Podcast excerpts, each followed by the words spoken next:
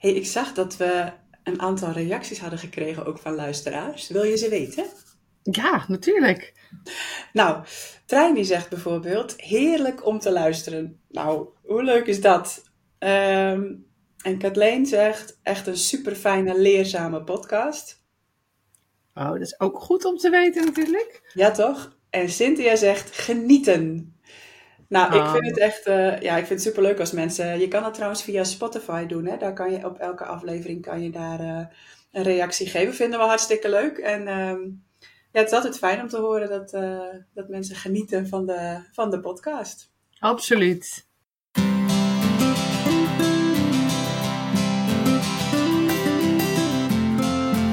Hoi, welkom bij Schrijfpraat, de podcast. Wij zijn Emmy en Kim en in deze podcast praten wij over schrijven en over alles wat daarbij komt kijken.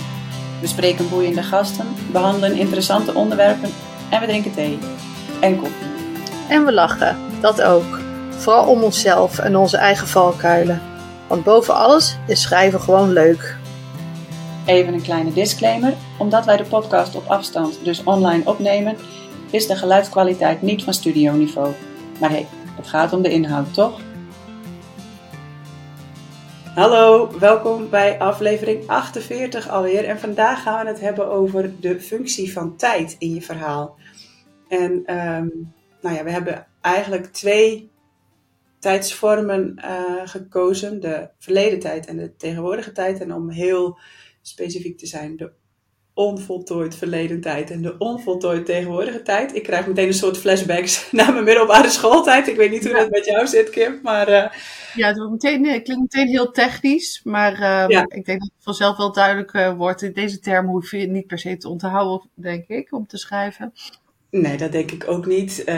Maar het is wel goed om je ervan bewust te zijn. En de reden dat we dit onderwerp hebben gekozen, is omdat ik in het schrijven er de hele tijd tegenaan loop dat ik uh, switch. Dat ik de hele tijd wissel tussen verleden tijd en tegenwoordige tijd. Um, en dat ik het dan soms teruglees en denk, hè? Hoe, hoe zit dit hier nou weer? Het klopt niet, er klopt iets niet, maar ja, waar zit het dan in? En dan kom ik er weer achter dat, het, dat ik toch weer van tijd ben gewisseld. Ja, um, dan voel je dat er iets niet klopt, maar je ziet niet direct... Uh, pas als je erover na gaat denken, zie je, oh, het ligt aan de, de vorm van de werkwoorden. Ja, klopt. Dan denk ik, hè, hoe zat dat nou? En dan, en dan moet ik even teruglezen en denk ik, oh ja, hier had ik een flashback. En toen ben ik blijven hangen in de verleden tijd in plaats van Oh, weer terug ja. te schakelen in de, in de tegenwoordige tijd. Um, herken jij dat? Of denk je, nou, geen idee, Emmy, wat jij aan het doen bent?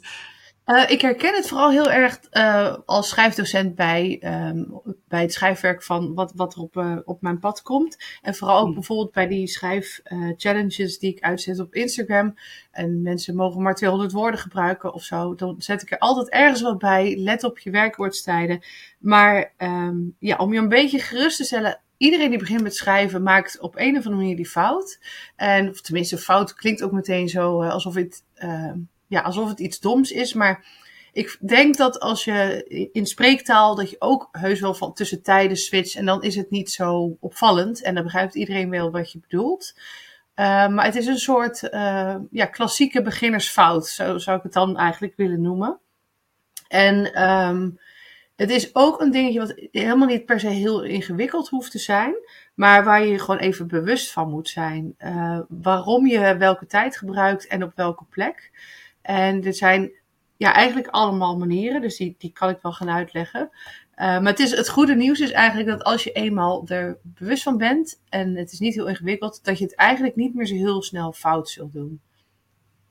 Nee, of in ieder geval als je denkt, hé, hey, dat klopt hier is niet, dan, dat je dan vrij snel door hebt van, hé, hey, het zit in de, in de tijd of zo. Nou, er kan een heleboel niet kloppen. Ja, dat is een waar. andere klassieke, klassieke fout bij beginners is dat het perspectief uh, Ja. switcht op het moment dat het niet kan. Dus, dus er kunnen meerdere dingen niet kloppen. Um, ik heb het zelf bijvoorbeeld als ik een tekst lees en ik schiet er overheen met mijn ogen dat ik, dat ik wel een signaaltje krijg van hé, hey, er klopt iets niet, maar dan weet ik niet wat. En soms is het ook gewoon een spelfout. Dat is wel echt een heel Ja. fijne skill om te hebben als eindredacteur. Maar met die tijden is het, um, ja, is wel iets wat, kijk, iedereen heeft het, je kunt het hebben over dichtelijke vrijheid en dat je als schrijver natuurlijk kan doen wat je wil. Maar qua tijden van je werkwoord kun je heel hard roepen dat je een uh, creatieve vrijheid hebt. Maar als je dat niet een bewuste keuze inmaakt en dat gewoon spontaan door elkaar gebruikt, dan staat dat rommelig. En dan is er ook nog eens de kans dat jouw lezer niet precies begrijpt wat je bedoelt en ergens afhaakt halverwege. Dus dat lijkt me voor iedereen zonde.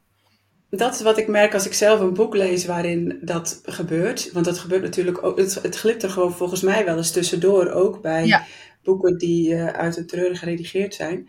Ehm, maar je bent meteen uit het verhaal, want dan heb ik ook zoiets van: hé, hey, klopt iets niet. En dan moet ik terugzoeken en dan denk ik: oh ja, nee, het is een, een uh, tijdsfout. en dan, of fout, maar ja, ja fout. Ja.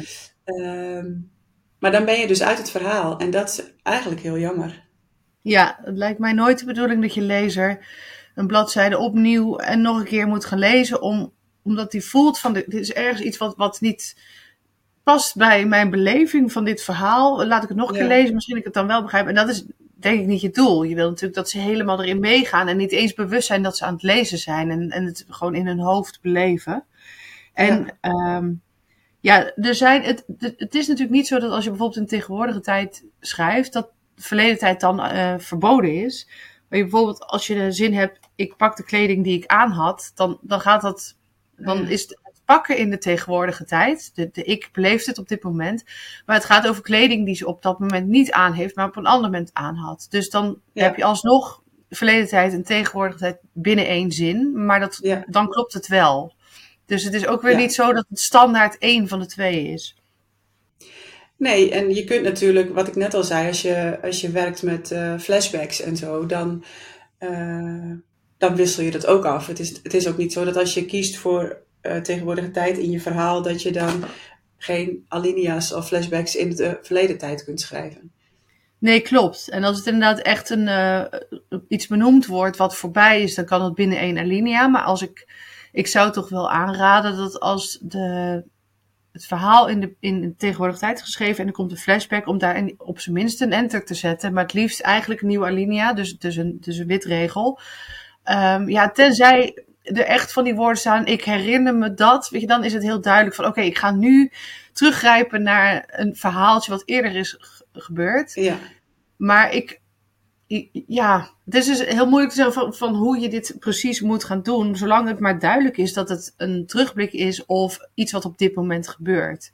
Ja. En het, wat het belangrijkste is, is om te houden, is dat je er bewust van moet zijn welke tijd je gebruikt. Dat als je het gewoon door elkaar doet, uh, op gevoel, uh, maar het gaat niet over terugblikken, ja, dan wordt het een beetje kwalijk. Maar zolang jij zelf duidelijk maakt dat het um, iemand is die ook herinneringen heeft of uh, ergens naar teruggrijpt, zal het voor de lezer ook wel duidelijk zijn. Ja, en in sommige gevallen kan dat juist ook heel erg een voordeel zijn, denk ik. Hè? Want stel je, je hoofdpersoon is een volwassene die terugkijkt op de kindertijd, dan is het eigenlijk helemaal niet fijn om, om in de tegenwoordige tijd vanuit dat kind, omdat die een hele andere beleving heeft dan een volwassene. terwijl als je als volwassene daarop terugkijkt, uh, dan kun je ook reflecteren en dan kun je ook uh, de rest van je levenservaring daarop, uh, ja, hoe zeg je dat, toepassen. Ja. en als je het dan vanuit de tegenwoordige tijd in je kindertijd zou doen, ja, dan is misschien het, het verschil ook weer heel groot in hoe een kind iets beleeft en hoe een volwassene iets beleeft. Ja, maar dat zou ik meer um, laten zien op een andere manier. Want um, okay. je kunt ook. Het, het heeft ook een andere belevenis in welke tijd je schrijft. Dus het hoeft niet standaard zo te zijn dat als iemand volwassen is, dat alles wat hij dan als kind heeft meegemaakt in het verleden tijd hoeft te zijn. Je kunt er zelfs voor kiezen om het om te draaien. Heb ik wel eens in een verhaal geprobeerd. Dat dus wat op dit moment speelt, eh, schreef ik in verleden tijd. En de terugblik naar um, eigenlijk een generatie daarvoor, in de jaren 50, had ik in tegenwoordige tijd. En zolang je dat maar consequent volhoudt, is dat niet ja. verwarrend voor de lezer. De lezer denkt niet, hé, hey, er staat hier een werkwoord in de verleden tijd, dus dan moet het al voorbij zijn. Die vertaalslag kunnen ze wel maken. Um, maar het moet wel consequent zo gebeuren en niet rommelig ja. door elkaar gaan. Want het heeft namelijk een andere belevenis in welke tijd je schrijft. Want als je in de verleden tijd schrijft, dan is het um, voor de lezer alsof iemand uh, ja, ik, ik zie altijd een beeld voor me bij een kampvuur. Dat iemand een verhaal vertelt aan iets wat, wat een keer heeft plaatsgevonden. En nu is dat voorbij. En nu vertelt die persoon, of, dat nou, of die er nou bij was of niet. Maar die vertelt het verhaal als het eigenlijk is afgelopen aan iemand. Van moet je eens horen wat voor uh, mooi verhaal ik heb. Terwijl tegenwoordige tijd is meer zoals als je een film kijkt. Dus alsof je het ter plekke meemaakt als lezer. Alsof jij eigenlijk als een soort vlieg op de muur erbij zit en alles wat er gebeurt, niemand weet nog waar het naartoe gaat. Voor iedereen is het op dat moment aan de orde en jij beleeft het ter plekke mee. Dus het, dat, dat vind ik een belangrijkere betekenis van de tijden dan of het um, eerder heeft plaatsgevonden of later heeft plaatsgevonden. Ja, ja, ja. Ja, en ik denk met name die laatste, wat je zegt, van in de tegenwoordige tijd dat je het gevoel dat het meebeleeft, dat geeft ook een bepaalde mate van spanning die, dan, uh, die je dan in je verhaal krijgt. Want uh, stel, ik schrijf een, uh, een thriller in de ik-vorm en ik ben zelf hè, de, het hoofdpersonage, beleeft alles. Maar als je dat in de verleden tijd doet, dan weet je bij wijze van spreken al dat het hoofdpersonage het overleefd heeft. Want anders zou die het bij het kampvuur niet meer kunnen navertellen. Ehm, ja, ja, dat is inderdaad, ja, als je het heel theoretisch bekijkt, kunnen er sommige zaken niet kloppen. Net als dat um, iemand het in, dus niet in de ik-persoon vertelt, maar um, ja, als, als, alsof hij er, er uh, het, het heeft meegemaakt, maar het dus later achteraf bij het kampvuur aan jou vertelt. Maar als diegene zelf geen rol in dat verhaal heeft, dan is dat eigenlijk ook een beetje gek. Want dan denk je van ja, Je, je weet alles, inclusief de gedachten van, van de hoofdpersoon. En je was blijkbaar overal bij. Maar niemand praat tegen jou en niemand heeft jou een rol gegeven. Dus dat is ook eigenlijk als je het heel theoretisch bekijkt, klopt dat niet. Maar je komt ermee weg als schrijver. Als je het op de goede manier doet en het consequent doet, dan kan jouw lezer. Kijk, natuurlijk, hij gaat in het verhaal op. Maar hij weet ook heus wel dat hij er niet letterlijk zelf bij was. Dus hij kan die vertaalslag wel maken. Um, zolang je het dus maar niet rommelig door elkaar gebruikt zonder erover na te denken. Dat is eigenlijk het enige wat je, wat je moet onthouden. En ik weet wel dat er echt voorkeuren zijn. Er zijn mensen die echt een gruwelijke hekel hebben aan um, dat het in de tegenwoordige tijd is verteld, omdat het voelt als van ja, maar ik was daar niet bij. Dus dan voelt het als een soort. Um, nee, ik wil het horen als een verhaal achteraf. En ik weet bijvoorbeeld dat heel veel fantasy-schrijvers het liefst in de verleden tijd schrijven, omdat het, het is zo'n andere wereld. Het is zo niet op wat op dit moment gebeurt, waarin er soms oorlogen en er soms vergaat zelfs die hele wereld en soms zinkt er een stuk land de zee in. Dat het eigenlijk bijna voor hun gevoel niet anders dan achteraf verteld kan worden. Dus ja, het is precies ook waar je voorkeur ligt en wat je voor gevoel wil overbrengen aan, aan de lezer, denk ik. Ja, het grappige is dat ik dus eventjes ging nadenken van wat lees ik nou eigenlijk zelf het liefst. En toen dacht ik, ik heb eigenlijk geen idee. Als ik gewoon mee word gesleept in een verhaal. Ik, ik ben nu een boek aan het lezen. Nou, ik zou eigenlijk, als ik er niet straks even naar kijk, zou ik echt niet weten of het nou in de tegenwoordige of in de verleden tijd is. Ik, ja, als het gewoon goed geschreven is, dan, dan valt me dat niet op. Dat, eh, dat is het precies. Zodra je het niet weet, hebben ze het op een goede manier gedaan. Want anders zou je nu denken van ja, ik moet steeds even de bladzijde teruglezen om te kijken van hé, maar is het nou nu of is het nou in het verleden? En dan is er gewoon ergens iets misgegaan. En dan hadden ze het op een andere manier moeten aanpakken, denk ik.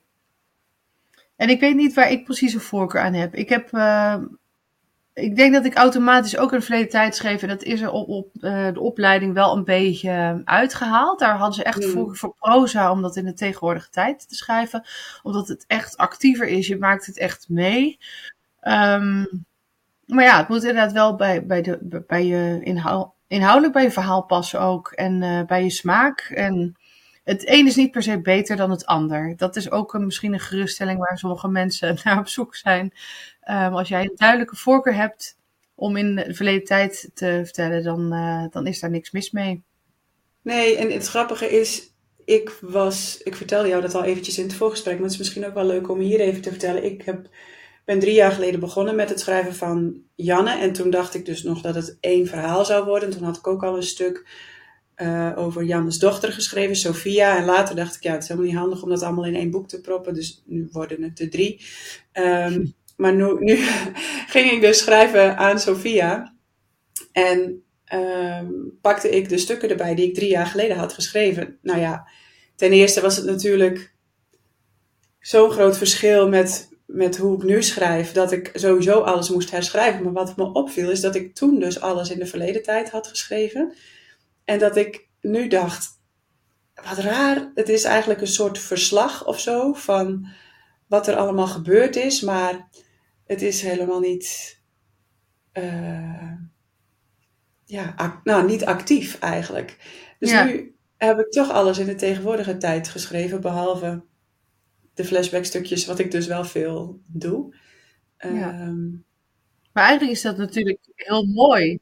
Want, want je, je kunt gewoon zien aan je eigen werk eh, dat je, dat je heel veel geleerd hebt en dat je nu een andere voorkeur hebt en dat je beter voelt van, oh, maar dit is niet hoe ik het wil. Ik wil het actiever. Of, uh, ja. ja, dat is het. Ik denk dat mijn, um, hoe zeg mijn default modus is dat ik, dat ik in verleden tijd schrijf. En ik, het grappige is, toen ik dit aan het voorbereiden was, las ik ook dat dat ook komt omdat we dat gewend zijn. Omdat heel veel dingen uh, in de verleden tijd zijn. Bijvoorbeeld het nieuws, uh, vaak veel krantenartikelen. En dat je daar dus aan gewend bent en dat je het daarom prettig vindt. Maar nu ik bewuster aan het schrijven ben, ja, vind ik dat dus eigenlijk helemaal niet zo fijn om te schrijven.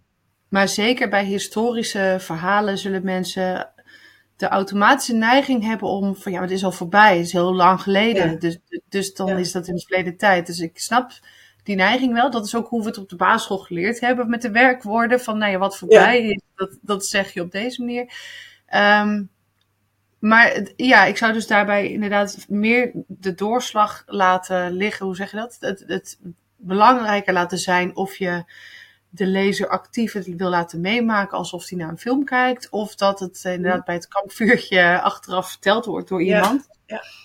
En, uh... Nou ja, ik vind het ook makkelijker als het in de tegenwoordige tijd is om dan bijvoorbeeld goede dialogen te schrijven. Uh, Oké, ja ja, dan, dat past dan voor mijn gevoel beter. En dan, dan zeggen ze dat ook op dat moment. En ja, ik weet niet. Ik kijk ook een beetje moeilijk nu. dat zien de luisteraars natuurlijk niet. Maar. Uh, ja.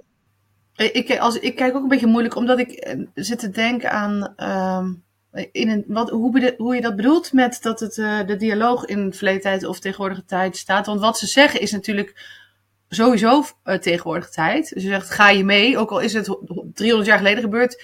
Binnen de dialoog gaat die persoon niet zeggen, ging je mee? Dat, dat, dat klopt het natuurlijk niet. Nee, maar dan is het wel, ga je mee, zei hij. Of zegt ja, hij. Ja, precies. Dus, dus buiten de aanhalingstekens voel, wil je het ook liever in tegenwoordige tijd zetten ja. dan? Ja. Oké. Ja, voor mij voelt dat niet binnen de, de, de handelingen buiten, binnen de dialoog niet per se anders dan de rest van de tekst qua werkwoordgevoel. Maar uh, nou, ja, het moet denk ik ook hetzelfde zijn. Als je, als je de hele, alles in tegenwoordige tijd uh, schrijft, moet je die handelingen ook, ook in de tegenwoordige. Je kan niet dan dat in de verleden tijd doen. En wat jij net zei, van, het is natuurlijk historisch, dus het is lang geleden, maar dat is voor het hoofdpersoon, voor mijn hoofdpersoon natuurlijk niet zo die beleven Nee, maar dat is de vertaalslag die jij die nu kunt maken, nu je uh, inmiddels drie jaar aan het schrijven bent. Maar ik snap absoluut dat als je uh, een verhaal dat heel lang geleden speelt, dat het in eerste instantie niet natuurlijk voelt om dat dan te doen alsof, alsof het nu gebeurt. Maar ja, dat maakt de lezer dus wel uh, dichterbij. Dus het is een keuze. Ja. En toen heb ik daar natuurlijk helemaal niet bewust over nagedacht. Toen had ik gewoon een idee en ben ik gaan schrijven en dat was het.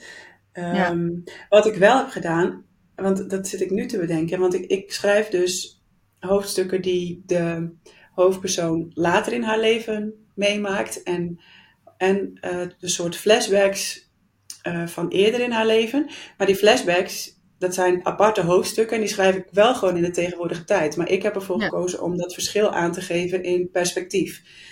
Dus de ene is in de eerste persoon en de andere is in de derde persoon. Ja, want ik zat ook dat, dat is nog een ander dingetje. Inderdaad, samenhangend met het perspectief. Dat uh, als je in de eerste persoon, dus in de ik-vorm, praat.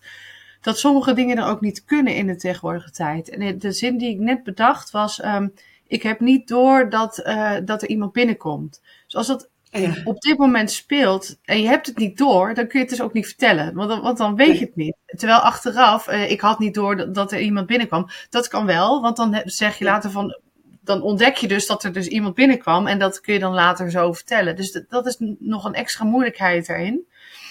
Ja, maar dan moet je dus zoeken naar een, andere oplossing. Ja, dus dan kan je zeggen van, uh, ik, ik schrik als de deur open gaat of zo voor u. Uh, dan, je moet dat anders formuleren of ik sta daar uh, ja, iets saais te doen en plots voel ik uh, dat iemand mijn schouder vastpakt. Maar je, ja. ja, en dat, dat is in combinatie met het X, maar in perspectief kan ik ook uren over praten. Um, ja. Dus moeten we misschien ook weer een aflevering aan wijden. Maar um, ja. dat, dat, je moet dus welke tijd je ook kiest, kijk ook of het kan. Bij elke zin ja. die je. Ja. Uh, die je schrijft. Van kan het in deze tijd en kan het, uh, de persoon die dit zegt het ook op die manier zeggen? Of kan ik het dan toch beter in de verleden tijd, dat hij het achteraf vertelt, doen? Dat, uh, zolang het maar een bewuste keuze is. Ja, ik blijf het zeggen. Ja, dat, bewuste keuze en je het consequent doorvoert. Ja. Um, en, het, en het past en klopt en kan. Ja, en dat vind ik dus met die schrijfchallenges, uh, ja, dat, voel ik mezelf soms een beetje gemeen. Want er zitten ook heel veel beginnende schrijvers bij. En, um, en als die dan binnen 20 uh, of 200 woorden van tijd switchen op het moment dat het niet kan.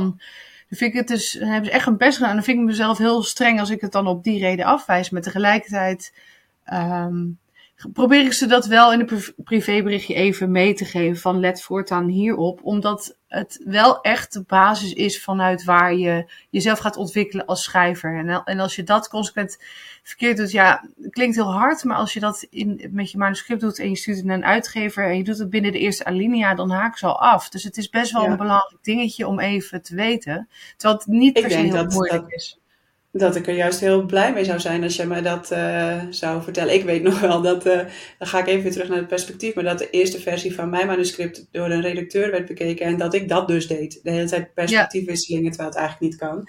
En ik was zo blij dat ze dat zei, want ik dacht, ja, ja natuurlijk.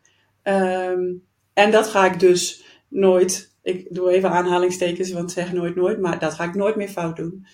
En dat is zo'n dingetje, net als de werkwoordtijden dus en het perspectief. Ook al lees je al heel je leven superveel en dan gaat het in die boeken allemaal goed. Je bent je daar niet bewust van als je daar uh, nooit op gewezen bent. En sommige mensen doen het misschien automatisch goed, maar de meeste eigenlijk niet. En dat zegt dus niks over intelligentie of over uh, hoe goed je bent als schrijver. Dat is gewoon zo'n zo'n basisskill die als je het eenmaal weet, dan, dan doe je het eigenlijk nooit meer verkeerd. Um, nee. Maar, uh, en vandaar dat ik dat inderdaad aan ze meegeef. Want uh, ik, ja. ze, ze, hebben wel het lef om met zo'n schrijfchallenge mee te doen. En dat is voor heel veel mensen ook een drempel. Ja. Dus uh, ik doe het vooral op een aanmoedigende manier dan. Maar het telt wel mee in, in de winst van, van zo'n wedstrijd. Ja, dus, ja, natuurlijk. Ja. Nou, ik denk dat we net al tot eigenlijk een mooie conclusie kwamen. Dus um, kies je voor verleden tijd, prima. Kies je voor tegenwoordige tijd, even prima. Maar maak een bewuste keuze, voer het consequent door en zorg dat het klopt, dat het kan wat je schrijft. Ja. Is dat, uh, dat de lessen van deze aflevering? ja, volgens mij wel, ja. Nou, mooi. Ik had ze wel willen horen drie jaar geleden, voordat ik begon. Frustrerend, hè? Ik vind het ook echt zo'n nuttige podcast. ik had het willen weten. Ja, nee, maar... Nou ja, ik heb dat zeker ook... Uh, uh, als er gasten zijn of zo, dan, uh, dan leer ik zelf ook gewoon nog zoveel van deze podcast. Ja, en van jou ook natuurlijk. Maar ja, dat is. Uh, hoewel ik niet meer beginnend beginnend ben, voel ik me nog steeds wel een beginnende schrijver. Omdat ik natuurlijk nog, ja, nog eigenlijk nog niks gepresteerd heb, zeg maar. Nou, en dan, dat mag je niet zo zeggen voor mij, maar... Uh... Oké, nee, ja, ik twijfel ook een beetje over het woord. Maar ik heb nog niks, er ligt nog niks van mij in de winkel, laat ik het zo zeggen. Oké. dus het ja. voel, ik voel me nog wel beginnend. En, ja, en omdat ik elke keer ook weer zoveel leer. Maar misschien maakt het dat niet uit hoe lang je al schrijft. Dat je toch elke keer nog weer nieuwe ik dingen... Ik ben er nooit uitgeleerd. En dat vind ik alleen maar heel nee. erg fijn. Dat, dat, dat, ja. ja. dat je je blijft ontwikkelen en ja, wat ik ook eerder een keer zei, dat ik, ik denk dat ik echt wel een beetje weet hoe ik moet schrijven, maar ook mijn eigen schrijfwerk van een paar jaar terug denk, oh, dat, dat deed ik toen nog zo. Oh ja, dat doe ik nu op een andere manier. Dus het, ja, ja. Van, ik vind het super, uh, ik, ik, het zou zo, je zou jezelf tekort doen als je als schrijver denkt uh, dat, dat je het nu al weet en dat je dat niks meer te leren valt. Want uh, ja. ja, er is nog zoveel te ontdekken. Ja, klopt. Het enige nadeel daarvan vind ik dat je dus soms dingen terugleest van jezelf waar je dan van denkt, oh mijn god, heb ik dit echt zo, zo ehm, ja, aan anderen laten lezen ook. ja, maar de, bij mij, de eindredacteur in mij, die gaat dan weer de handjes uh, wrijven en die vindt het dan heerlijk om het dan uh, te, opnieuw te, ja, even te redigeren en er weer iets mooiers van te maken. te maken. Ja, ja. ja leuk. Alright, ik denk dat we het hierbij laten voor, voor deze aflevering. Dank je wel weer uh, voor het luisteren en natuurlijk tot volgende week. Tot volgende week. Superleuk dat je weer geluisterd hebt. Luister jij graag naar Schrijfpraat en wil je ons helpen de podcast te blijven maken? Dan kun je doneren via petjeaf.com schrijfpraat. Je vindt de link ook in de show notes. Met een review of een beoordeling op iTunes of Spotify help je ons hoger in de lijsten te komen en help je nieuwe luisteraars om ons te vinden. Deel de podcast ook gerust in je netwerk of op social media en tag ons dan even. Wij vinden het fantastisch om te weten wie je luistert. Heb je vragen of is er een onderwerp waar jij onze mening of ervaringen over wilt horen? Of is er iemand die jij graag als gast in Schrijfpraat zou horen? Laat het ons dan weten. Bijvoorbeeld via Instagram. Kim-Linsen-auteur en Emmy de Vries.